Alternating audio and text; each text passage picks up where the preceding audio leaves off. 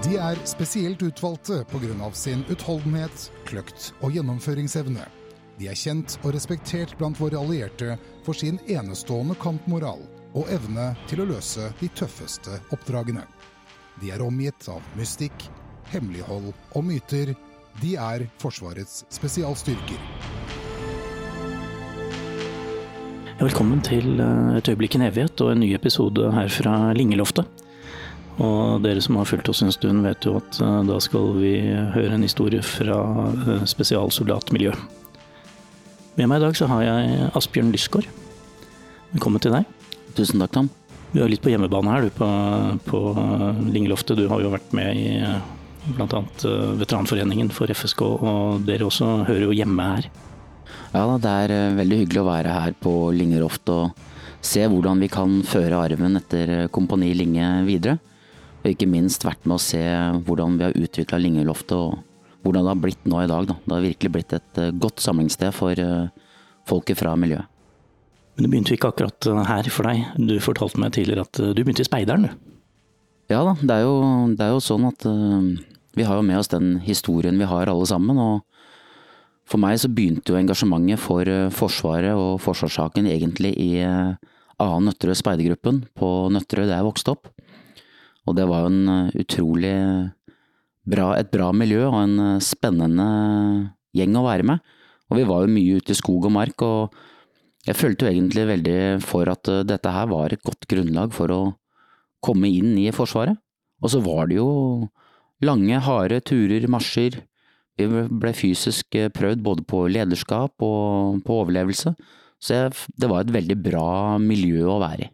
Hvor gammel var du da? Jeg begynte jo i speideren som eh, syvåring, og fortsatte hele veien ut til eh, jeg ble rover. Og nå er jeg vel det som kalles en støttespiller der også, og sørger for at noe av driften går sin gang, selv om det er færre folk som er med i speideren nå enn det det var tidligere.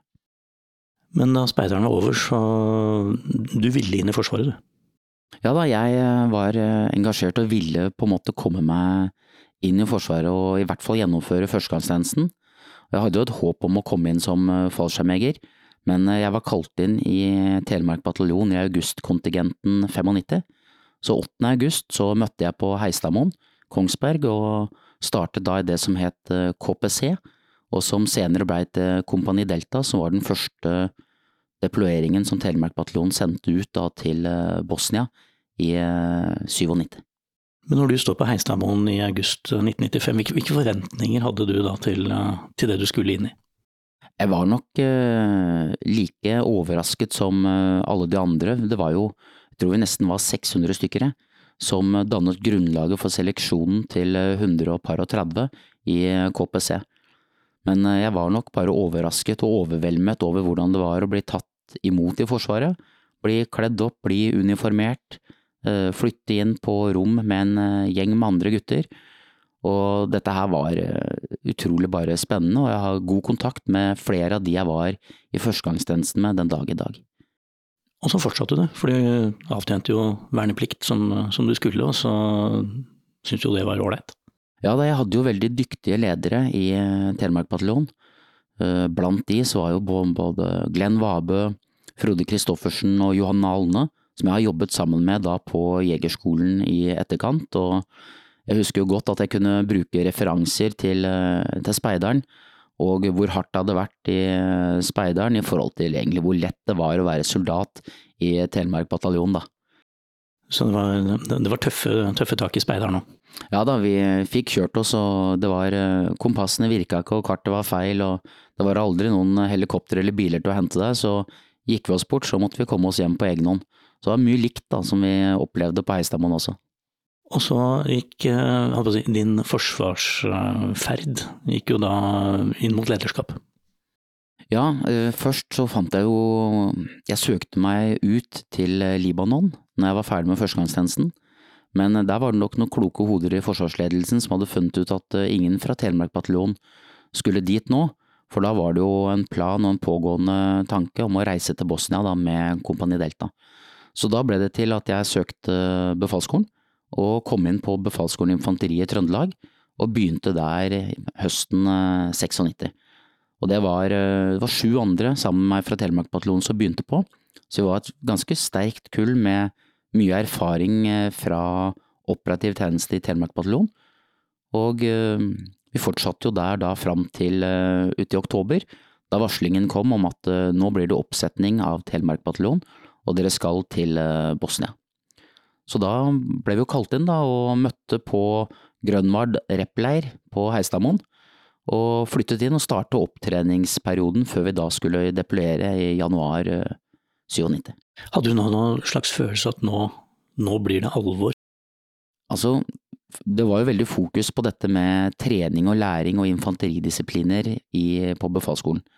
Så vi følte oss eh, godt forberedt, eller ytterligere godt forberedt, Eh, når vi kom tilbake igjen da til Heistadmoen, så var det en eh, det var en seriøsitet over det vi gjorde. Alle var bunnsolide, og vi var veldig tydelige på at nå, nå, blir det alvor, nå skal også vi ut og gjøre en jobb. Så det var nok noe som tynget oss litt, uten helt å vite hva vi gikk til. Vi var jo heldige som hadde grenaderer med oss. Uh, flere av de hadde jo vært uh, vognførere og trent Eh, oss som soldater da på SISU og eh, de erfaringene de hadde fra Libanon og Jugoslavia tidligere. Og de var jo med og dannet et eh, ytterligere grunnlag i tillegg til befalet, som trygget oss i vår gjennomføring av oppdraget vårt. Da.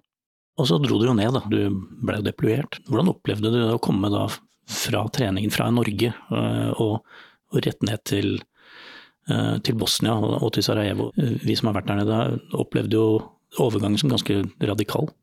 Nei, det var altså Det var litt skummelt å komme ned da til Zagreb og deretter inn i, inn i Bosnia. Vi fikk jo på oss eh, skuddsikre vester, og jeg var jo skytter på 12-7. Opp i tårnet på Sisun og kjørte ned på halvglatte veier i et eh, fremmed landskap. Ned forbi Modrica, Dubrovnik, Visiko, Visico Bresa Jares og inn da i, eh, inn til Sarajevo. Der vi etablerte oss på Setra stadion, det gamle OL-stadion, og deler av eh, gruppen etablerte seg da også på Butmir, som eh, var i den andre enden av byen. Og på, på Setra stadion hadde KPC og troppen jeg var i ansvaret for vaktholdet. Vi ble forlagt inn i, inn i selve stadion, men det var litt spennende å gå rundt og utforske stadion, og var, jeg husker at det var eh, Det luktet vondt, det rant kloakk fra taket, og gamle skytebanen i kjelleren hadde blitt brukt som likhus under eh, beleiringen. Så det var eh, Vi var usikre, og vi turte ikke helt å gå alle steder, selv inne på eget militært område. Det oppdraget dere hadde der nede, var det stressende? Vi, var, vi hadde god, god militær ledelse, så vi kjørte én dag på vakt én dag med opptrening og én dag eh, fri. Og eh, den dagen eh, vi hadde opptrening, så fulgte jeg opp med vognførerutdanning og trening på SISU, så jeg fikk jo mye erfaring med å kjøre rundt i Sarajevo. Og de dagene vi hadde fri, utforsket vi på en måte byen, gikk ned, prøvde å ta en tur på markedet, ned i gamlebyen og egentlig finne ut litt hvordan stemningen var da blant soldatene. Så det var jeg vil ikke kalle det stressende, men det var veldig rutinemessig.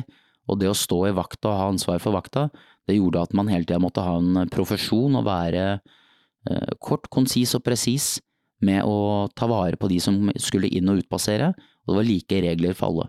Alle måtte ha ID-kort, alle måtte være på listene for å komme inn. Hadde du det, så gikk det greit. Hadde man glemt å melde sin ankomst, så ble man som den danske generalen stående litt lenge i vakta og vente på å komme inn til papirene var kontrollert. Oppdraget i, eh, i Bosnia det gikk jo over etter hvert. Du dro tilbake til Norge? Ja, jeg kom tilbake. Jeg tok en rekap i Modrica, og eh, tok seks måneder eh, der oppe i den bataljonen som var der og hadde ansvar for de nordlige delene av Bosnia. Og mens vi var der, så var det også mange erfaringer. Vi, vi sto jo som reaksjonsstyrke med ansvar for eh, å sikre da broene og overgangene fra Kroatia og inn i Bosnia.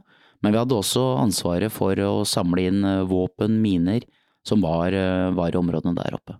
Det var, en, det var poeng på, på nytt en ny tid og lærte nye av de som hadde vært der oppe. Andre infanterikompanier, ingeniører, samband og jegertropp som hadde helt andre erfaringer enn det vi hadde med oss fra Sarajevo. Hva tenkte du om veien videre da? Altså, var du fornøyd med, med, det du hadde gjort, eller tenkte du at dette, dette vil jeg fortsette med? Nei, jeg hadde jo fått eh, permisjon fra befalsskolen, så vi var jo veldig heldige vi som reiste ut, og det var flere av oss som tok rekap i eh, Modrica. Og vi reiste jo tilbake igjen til, eh, til befalsskolen da når vi kom på nyåret i 98, for å fullføre den tjenesten vi hadde. Men på veien dit så hadde jeg jo klart å totalvrake en Sisu, jeg hadde fått kjørt en MB 240 av grøfta, jeg hadde fått overnatta og bodd ute i Sono Separation på julaften og blitt servert eh, frokost av eh, de lokale.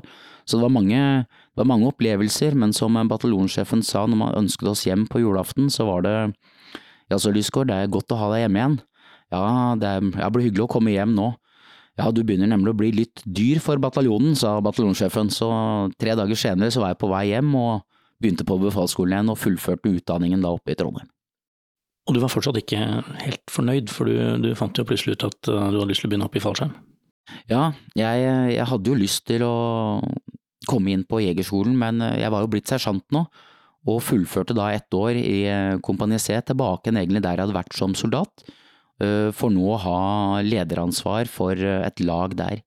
Men i løpet av det året så ble det tydelig klart at Forsvarets spesialkommando hadde gått ut og blitt mer åpent, og hadde åpnet opp på søknad da, for eh, folk som ikke kun hadde vært inne på Jegerskolen tidligere, slik at eh, jeg brukte tida som sersjant til å trene meg opp og forberede meg på opptaket til eh, FSK. Så sommeren 99 så ble jeg kalt inn på opptak til FSK, og der, der kom jeg inn. Samtidig med det her så reiste jo resten av den kontingenten jeg hadde ansvar for, de reiste da til Kosovo, så det føltes jo som et lite svik til de soldatene jeg hadde vært med å trene, men viktigheten av å komme inn i FSK og mine personlige mål og ønsker satte jeg foran da avdelingens.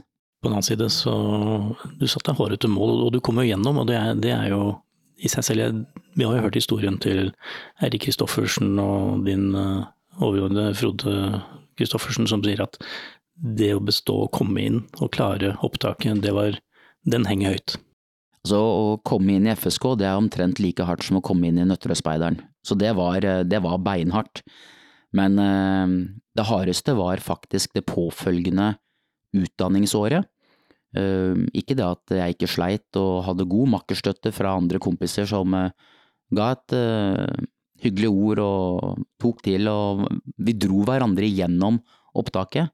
Men selve utdanningsåret etterpå er jo vel så hardt og krever minst like mye av eh, de som vil inn i spesialstyrkene. Og så ble det tur til, eh, tilbake til tidligere Jugoslavia, til Kosovo? Ja, vi hadde jo et par, eh, et par, forskjellige oppdrag. Det hadde vært mye trening for oppdrag til FSK på den tiden med maritim kontraterror, antiterror, gisselredning, operasjoner ute i Nordsjøen. Men plutselig så fikk avdelingen i oppdrag å stå for ansvaret for livvaktsoppdraget til general Sjaker, som da var den norske generalen som var sjef for eh, Kosovo-styrken. Så jeg reiste ned sammen med et eh, team der eh, som var godt samtrent, og sto for livvaktsperioden til Sjaker fram til oktober 2001. Og da er vi i Ja, 2001, da er vi på en måte i 9-11-tiden. Da, da smalt det mens vi var der nede, og jeg husker jo godt hva jeg gjorde den dagen. Vi hadde fått varsling om at det var forhøyet uh, trussel. Uh, lite kunne vi vite hva som kom om veien, men jeg hadde kjørt bilen fra hovedkontoret på, i Pristina opp til Camp Lebane, som det het, der hvor ingeniørene holdt til, og også Liss Heli, helikopteravdelingen som var der. Vi skulle opp og ha et møte med de. Jeg satt i bilen og ventet på at møtet skulle begynne, og leste boken til Tom Clancy, Ordre fra øverste hold, og da har akkurat et eh, fly styrtet i Capitol Hill. Jeg putter boken under eh, setet i bilen min, går inn og åpner døren inn til eh, fellesrommet, og der ser vi på TV-skjermen at flyene faktisk krasjer inn i Twin Towers. Så det var en, det var en gripende og skummel uh, opplevelse. Og jeg hev meg på telefonen med en gang og ringte hjem, og fortalte kona mi om at nå måtte hun se på TV, for det er noe fryktelig som holder på å skje. Forsto du da at du kom til å bli involvert, altså dere kom til å bli involvert i, i dette her? Jeg tror ikke jeg var klar over det akkurat uh, da, men at dette kom til å ha stor betydning for, uh, for hvordan militæret kom til å operere, og uh, trusselen mot også militære, ikke bare sivile, det tror jeg var kanskje det som slo oss mest, siden jeg hadde fått et varsling på forhånd om at det var noe som var forestående. Men at det kom til å bli 20 års krig i Afghanistan med terror og en helt annen æra, det tror jeg ingen kunne se for seg umiddelbart der og da. For å hoppe litt uh, kort fram, du var jo blant de første fra avdelingen som uh, rykket inn i Afghanistan. Dere ble sendt ned ganske tidlig? Ja, vi hadde etablert noe som het en internasjonal beredskapstropp i uh, FSK. Og der var jeg så heldig å bli plukket ut og få være med på den. Og ganske kort tid etter at vi kom hjem da fra Kosovo, så fikk vi varsling om at det nå skulle være opptrening og gjøre klar for eh, deployering til eh, Afghanistan.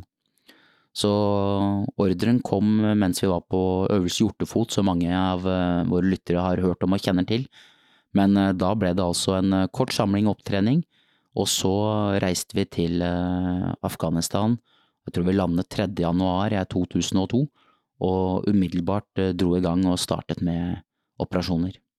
De operasjonene er jo blitt eh, kan du si, litt skjøvet litt i bakgrunnen nå etter, etter 20 år der nede, men, eh, men, det var ganske fysisk eh, tøffe ting dere gjorde helt i begynnelsen. Altså, jeg tror alle husker de første kontingentene man er med på, og hvis man er med på en første kontingent, så glemmer man aldri de opplevelsene. Det er alltid fra å skaffe et sted å bo, til å få tak i mat, vann, drikke. Bare det at man lander på en flyplass. Vi landet jo på Kandahar eh, flyplass, lastet ut med kjøretøyene våre og kom oss i, eh, kom oss i hus i et gammelt feltsykehus, der vi etablerte oss og opererte ut ifra i eh, den perioden. Men det er kanskje et par ting som, er, som jeg husker best fra den tiden. Det var en operasjon på grensen til Pakistan, der vi skulle gjennomføre en, en operasjon mot, mot en grensepost som var kontrollert av eh, Al Qaida på den tiden. Og vi ble flydd inn med helikopter. Operasjonen skulle gått inn på nattetid, men endte heldigvis opp å gå inn i lyset. Men vi eh, bevegde oss i grenseområder og var jo livredde for miner, så jeg husker at vi byttet på hvem som skulle gå i eh, front, og måtte rullere på det på grunn av trussel, risiko, men også fordi vi ble både fysisk og psykisk slitne. Men da vi kom fram der vi var, eller til det området target vi skulle til, så viste det seg jo at dette her var akkurat det vi fryktet at det var. Det var en grensepost, men den var eh, bemannet av eh, afghanere som kontrollerte grensen, så det var heldigvis ikke noe Al Qaida på målet. Men på vei fram så oppdaget vi også flere hulekompleks, og dette her var en sammensatt øvelse med flere andre nasjoner, både newzealendere og canadiere også, så det var en kompleks, avansert greie, altså. Hva gjorde dere, altså, hva skulle dere oppe i fjellheimen der å gjøre, egentlig? Vi letet jo etter eh, personer, clues og folk med tilknytning til Al Qaida på den tiden. Eh, Taliban var på en måte en del av styret, men det var de bakenforliggende som vi var på utkikk etter, og vi fant jo også tydelige spor etter eh, Al Qaida, bilder av Twin Towers og andre ting i den perioden, så det var en det var en viktig jobb vi gjorde i forhold til å kartlegge og danne grunnlaget videre for etterretningsdrevne operasjoner da, i Afghanistan på den tiden. Jeg tenker at når, når vi snakker, når vi intervjuer dere fra, fra, den tiden og fra det miljøet, så, så er det mye det er mye som ligger under som aldri kommer fram, og vi har jo hatt flere historier her. Hvordan er tankesettet når du er der nede, særlig helt i begynnelsen? Altså, du, du, vet jo ikke hva som skjer og sånn. Hvordan uh, omstiller du deg til, til de uh, omgivelsene du er i? Du arbeider jo hele tiden med å ha det personlige materiellet ditt, det må være i orden. Sånn at alle vet at alt av våpen, bæreutrustning, ryggsekk, det personlige kittet må være i orden, og så må han sørge for at avdelingsmateriellet, kjøretøy, våpen, ting vi bruker for å komme oss frem, da. Så man bygger en avdelingsfølelse og en troverdighet av avdelingen hele tiden, der alle vet at alle er klare. Og alle har lyst til å være med på oppdragene. Alle er redd for å ikke få være med på det som skjer, fordi du har lyst til å være en del av teamet. Og eh, etter ikke så veldig lang tid der nede, så fikk jeg en reaksjon på maten, og fikk jo da god gammeldags diaré. Og jeg var jo livredd for at det her ikke skulle gå over, men heldigvis var det ene oppdrag vi skulle på. Det ble utsatt, eh, så jeg fikk vært med på et oppdrag, men det er sånne små ting da, der du tenker på at eh, hvorfor fikk ikke jeg vært med på det? For du vil være med laget ditt og avdelingen din i å gjennomføre de tingene som skjer, da. Hvor mange deployeringer har du hatt i Afghanistan, egentlig? Jeg har hatt fem kontingenter i Afghanistan. Så det er jo um, Første kontingenten, der var jo jeg med sammen da med både Frode Eirik og Kjetil Hatlebrekke var med på den første kontingenten. Jeg var den yngste fra FSK som uh, var med ut, og det handlet jo om at vi sendte de mest erfarne og voksne til Afghanistan uh, første gang. Men så ballet det bare på seg, og som en del av utviklingen med sto i Afghanistan lenge, så fikk jo jeg med meg flere turer. Jeg fikk krigsskolen her hjemme i Norge i mellomtiden, reiste ut igjen og fortsatte med flere operasjoner der nede. Men uh, fem fullverdige deployeringer, sammen med flere turer, besøk, offisielle reiser til å følge opp en del annen aktivitet der nede, har det blitt opp gjennom uh, årene, da. Altså, hører vi om forskjellige typer operasjoner. Noen er veldig høydramatiske, andre er mer eh, på et retningsnivå hvor det kanskje ikke skjer så mye, men som er veldig viktig og sånn. Du fortalte meg tidligere at eh, det var jo en operasjon eh, som dere hadde hvor, hvor dette med grundigheten for å vise, som vi kan bruke for å vise hvor grundig dere går til verks for å finne rett person til rett tid. Kan du si noe om det? Altså, de fleste operasjonene som spesialstyrkene gjennomfører, de krever gode forberedelser. Så vi holdt på i eh, langt over en måned med å bygge et eh, grunnlag for å gjennomføre operasjonen. Men de operasjonene som jeg har vært med på som kanskje har gitt størst effekt i området, det har vært å bygge et kontinuerlig situasjonsbilde, der hvor på en måte informasjonen man samler inn, den danner grunnlag for etterretningsbildet daglig. Samtidig så er eh, operasjoner der man finner grunnlag i etterretningen, der man må reagere hurtig, vel så viktige. I løpet av en 10 dager, 14 dager, så dannes det et godt bilde. Gode rekognoseringer, etterretninger, satellittbilder osv. danner grunnlag for å kunne gjennomføre en operasjon. Så flere av de har vi jo gjennomført med stor presisjon, uten uh, for store utfordringer, da. Men jeg, jeg, var jo med, og jeg var jo troppssjefen til Tor Arne Lau Henriksen når vi var der nede. Og uh, han ble jo skutt og drept uh, mens jeg var sjefen hans. Det er klart det er sånne ting som eh, setter spor i eh, både hvordan vi opererer, men også i meg og mitt lederskap som eh, person. Da. Ja, vi hørte tidligere Gjert Grave fortelle om, om, den incidenten. Han var hjemme på barselperm, og det var faktisk du òg? Ja, det var, det var, jo på en måte hell i uhell for meg, da. Jeg hadde jo vært makkeren til Tor Arne og gjennomført de fleste av de rekognoseringsoppdragene som vi gjorde, men siden jeg skulle bli far akkurat på det tidspunktet selv, så var jo jeg hjemme og eh, ble stolt far til en gutt eh, samtidig som vi mistet Tor Arne. Hvordan, eh, hvordan tar du det, liksom? Da tenker man jo litt sånn Jeg føler jo veldig med familien til Tor Arne og det tapet som de hadde, og så trøster jeg meg selv med at noen kommer, noen går. Og det at jeg da fikk en sønn selv, er det på en måte som jeg er veldig tenker på og er stolt av at uh, i hvert fall så lever han videre, og jeg kommer aldri til å glemme på en måte den perioden da, av uh, deployeringen og det vi gjorde. De resultatene du snakket om, uh, som kom på bakgrunn av alle disse etterretningene og kontinuerlige situasjonsovervåkningene, har du noen konkrete eksempler på det? Altså hvordan dere gikk inn og nøytraliserte et mål, og, og hvordan dere da i etterkant klarte å finne ut om det var riktig mål dere tok? Altså, under en av operasjonene som var med på, så ble, ble vi beskutt, og eh, vi besvarte ilden, og vi ledet også flybårne våpen inn mot uh, den gruppen som beskøyt oss. Men for å få kontroll etterpå på hvordan status var, da, om vi hadde tatt ut fienden, så valgte vi å gjennomføre det som heter en BDA, en Battle Damage Assessment.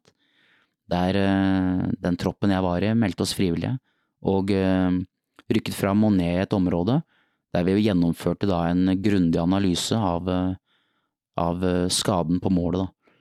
Og det er Da må du ned, ta bilder, du må ned og ta DNA-prøver, gjennomføre en Celex, altså at man tar vare på mobiltelefoner, annen elektronikk, ta vare på dette, henter ut informasjon og kunnskap fra disse tingene, og bygger en pakke videre som danner et grunnlag for eh, de fiendtlige bevegelsene i området, og hvem andre de har hatt kontakt med.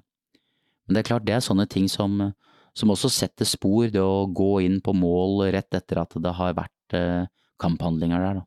Ja, for da går du inn i du går inn i der det akkurat har vært eh, strid, og det er jo fallende og, og hvordan det scenarioet ser ut. Og så vet du at dette er nødt til å gå inn og, ja, som du sier, ta DNA-prøver. Høres jo veldig klinisk ut, men det betyr jo at du tar med deg deler av lik som ligger der.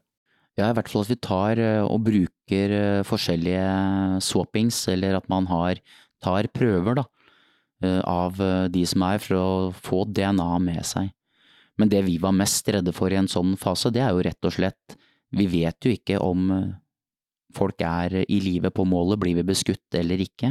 Selv med gode termiske kameraer, nattbriller, overvåkning fra luften, så er det, så er det stor, stor, bekymring og med stor risiko man går inn på et sånt mål etterpå, da. Men det er av det, en del av det vi driver med, og det går som regel godt. Det vil helst gå godt, sa Max Manus. Alle disse operasjonene deres, sånn, mange ganger så, så hadde dere også med allierte, eh, våre allierte i Nato blant annet, og da kanskje spesielt USA. Hvordan var forholdet med de andre nasjonene? Norske styrker de fungerer kjempegodt sammen med utenlandske. Vi er eh, jordnære, vi har eh, god utdanning i bunn, og spesielt sammen med briter og amerikanere føler jeg at det er eh, lett å samarbeide. Men på alle de operasjonene vi gjennomførte i Afghanistan, så hadde vi også med oss afghanere, enten på målet som kjentmenn eller som tolker. For det er jo tross alt uh, deres land, og uh, det å på en måte ha Afghan Face med på operasjonene var uh, utrolig viktig. Samtidig så ble jo Afghanistan også delt opp i forskjellige sektorer, der forskjellige land hadde ansvar for de forskjellige sektorene. Under alt det der sånn, så, og du nevnte jo familiesituasjonen og sånn, hvordan var det å reise ut i disse kontingentene når familien satt igjen hjemme?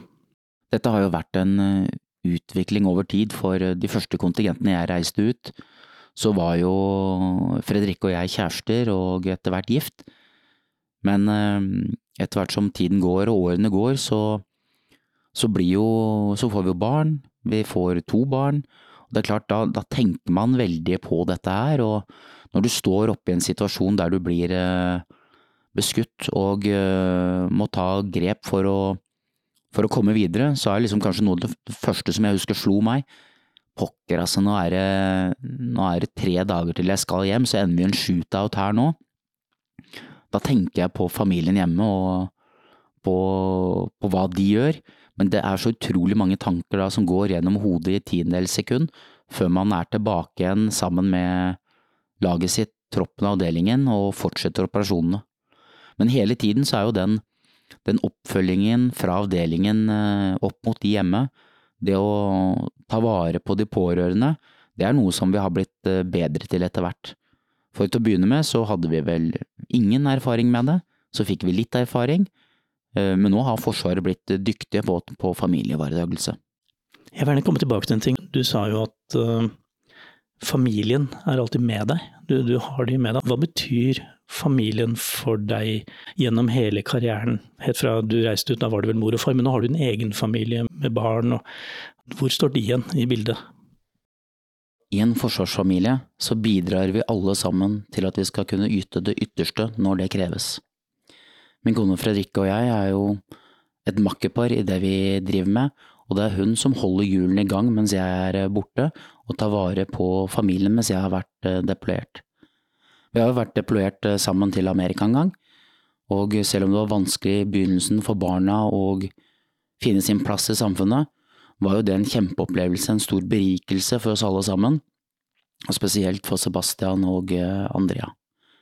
Men altså, for at vi som er ansatt i Forsvaret skal kunne løse oppdragene våre, er støtte fra familien helt uh, avgjørende. Men ikke bare under deployeringer, men også hjemme, når vi er på øvelser, når vi pendler, når belastningen er stor og vi er mye borte fra familien, er familien bare helt avgjørende for at eh, hjulene skal eh, gå rundt. Og ute støtte fra de hjemme, da har vi ikke noe forsvar. Vi har jo tidligere hørt fra Fredrikke, din kone, hvordan hun opplevde det, så den, den, episoden kan jo vi oppfordre folk til å høre på, hvis de vil ha den andre siden av, av historien. Da du kom hjem, du, du er fortsatt uh, aktiv i Forsvaret, du er blitt oberst og jobber i Heimevernet når vi spiller inn dette her. Men uh, du har jo etter hvert også fått en ganske stor erfaring med veteranvirksomhet, altså det å støtte veteraner. Når kom den delen av, uh, av historien din? Jeg er litt usikker på nøyaktig når veteranivaretagelsen og tankene rundt det begynte, men jeg var så heldig å møte Gunnar Sønsteby så tidlig som i 95 på et foredrag på Gardeleiren, og ehm, jeg hadde ganske god greie på norgeshistorien, men jeg tror vi hadde et lite gap under annen verdenskrig og det som skjedde der. Så når jeg møtte Gunnar, så spurte jeg hvem han var, og han svarte at nei, jeg er bare en gammel mann, jeg.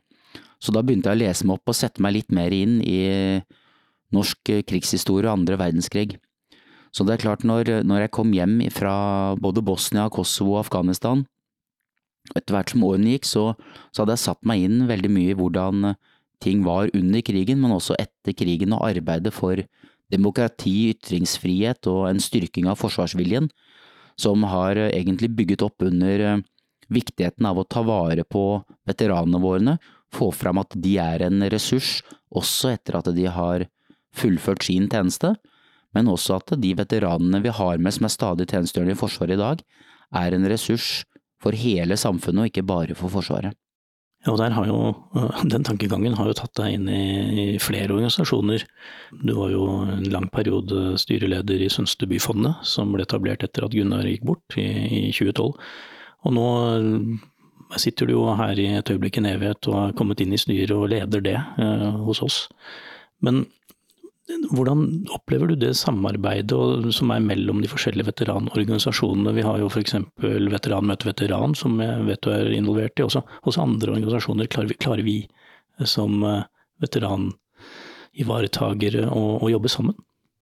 Jeg tror det er, eh, det er litt forskjell på de forskjellige organisasjonene.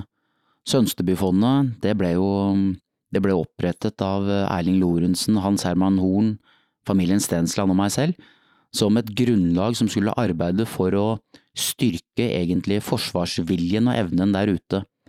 Mens flere av veteranorganisasjonene de har mer ansvar for å følge opp enkelte veteraner og grupperinger. Mange er veldig dyktige for å jobbe for seg og sitt miljø, men vi har nok litt å gå på for å klare å arbeide tettere sammen på tvers av organisasjonene.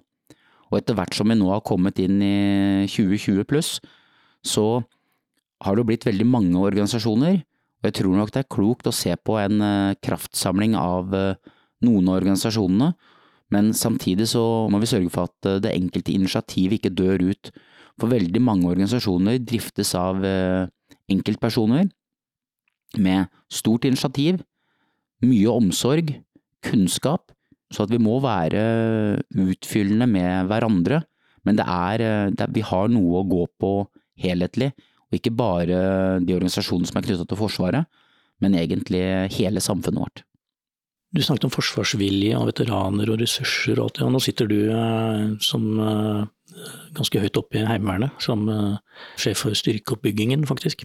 Hvordan ser, ser, du på veteraner i Heimevernet, for det er jo ganske mange heimevernssoldater som også har en veteranbakgrunn? Altså Jeg var jo så heldig at når jeg kom inn i Heimevernet, så hadde jeg jo en kort periode vært inne i det som het HV-spes, eller HV016, i Oslo. Og eh, der, eh, der lærte jeg jo mye om Heimevernet, og ikke minst så dannet det også grunnlaget for disse innsatsstyrkene vi har i dag. Nå i eh, Heimevernet som sjef styrkeproduksjon så er oppfyllingsansvaret utrolig viktig. Vi har veldig mange veteraner der ute, og for oss så er en veteran en som har gjennomført førstegangstjenesten. Heimevernet har det siste året gjennomført operasjoner på grensen. Vi har sørget for styrkebeskyttelse på Vestlandet, og nå driver vi med opptrening av ukrainske styrker i England, sånn at veteranbegrepet i Heimevernet det er nok mer en helhet av hele Heimevernet, der vi alle er en del og står på for noe mer enn oss selv. Så alt dette henger tett sammen, men du trenger ikke ha vært veteran fra en internasjonal operasjon for å bli verdsatt som en veteran i Heimevernet. En del av jobben, en del av yrket med å være soldat, er jo å ta ut fienden, som det heter, og drepe. Hvordan forholder du deg til det, hva tenker du rundt akkurat det temaet? Det er jo et spørsmål som eh, mange stiller, og som veldig mange barn tør å stille oss som har vært ute, etter hvert som vi er ute og møter opp eh, på skolegården i uniform, man hører at folk har vært ute og så videre og så videre. Men eh, for alle de som går i eh, uniform, så er det i ytterste konsekvens en del av jobben. Jeg føler at jeg har vært godt forberedt, godt trent. Avdelingen har vært godt trent på en måte å stå opp i de situasjonene vi har kommet til. Men det er jo ting man tenker over og som er bekymringsfullt. Men like fullt så er det jobben vår, og vi tar de valgene og de avgjørelsene og står for det når vi har gjennomført en operasjon. Å få deg til å stille opp her, så når jeg snakket med deg tidligere, så var det sånn du, du har vært litt av og på. Så da er du plutselig blitt en del av et øyeblikk i Nevet. Hvordan tenker du rundt det å, å, å dele disse historiene? Hvordan, uh, hvordan, ser du på det? Nei, jeg synes at det gode begrepet man må yte for å nyte, passer uh, godt. Arbeidet som eh, Et øyeblikk i evighet gjør med å samle og dokumentere veteranhistorier for fremtiden er eh, utrolig viktig, og da ble det etter hvert eh, helt naturlig for meg selv også å stille opp og fortelle noe av min historie til eh, lytterne våre. Tenker du at det er verdt å gjøre det? Skal vi oppfordre flere der ute til å takke ja hvis de blir spurt? Vi ser jo det at etter initiativet Et øyeblikk i evighet kom på banen, så er det stadig flere og flere som har satt opp podkaster og gjør tilsvarende greier. Men eh, det som skildrer et øyeblikk, en evighet, fra alle de andre, det er at de får tak i de ekte øyeblikkene som reflekterer og varer i en evighet. I din avdeling, i de, eh, den tiden du var deplert deployert i Afghanistan i hvert fall, så er det jo veldig mange av dine medsoldater og medoperatører som, som har blitt til dels høyt dekorert. Selv har du jo fått St. Olavsmedaljen med ekegren. Det har vært eh, krigskors, det har vært eh, ja, høye dekorasjoner. For en ganske liten gruppe soldater, egentlig. Var dere en sånn supergjeng? Jeg tror aldri noen av oss har vært en supergjeng, men for de som kommer fra Forsvarets spesialkommando, så har jo prinsippet og de bærende ferdighetene alltid vært gyldige. Grundighet gir trygghet.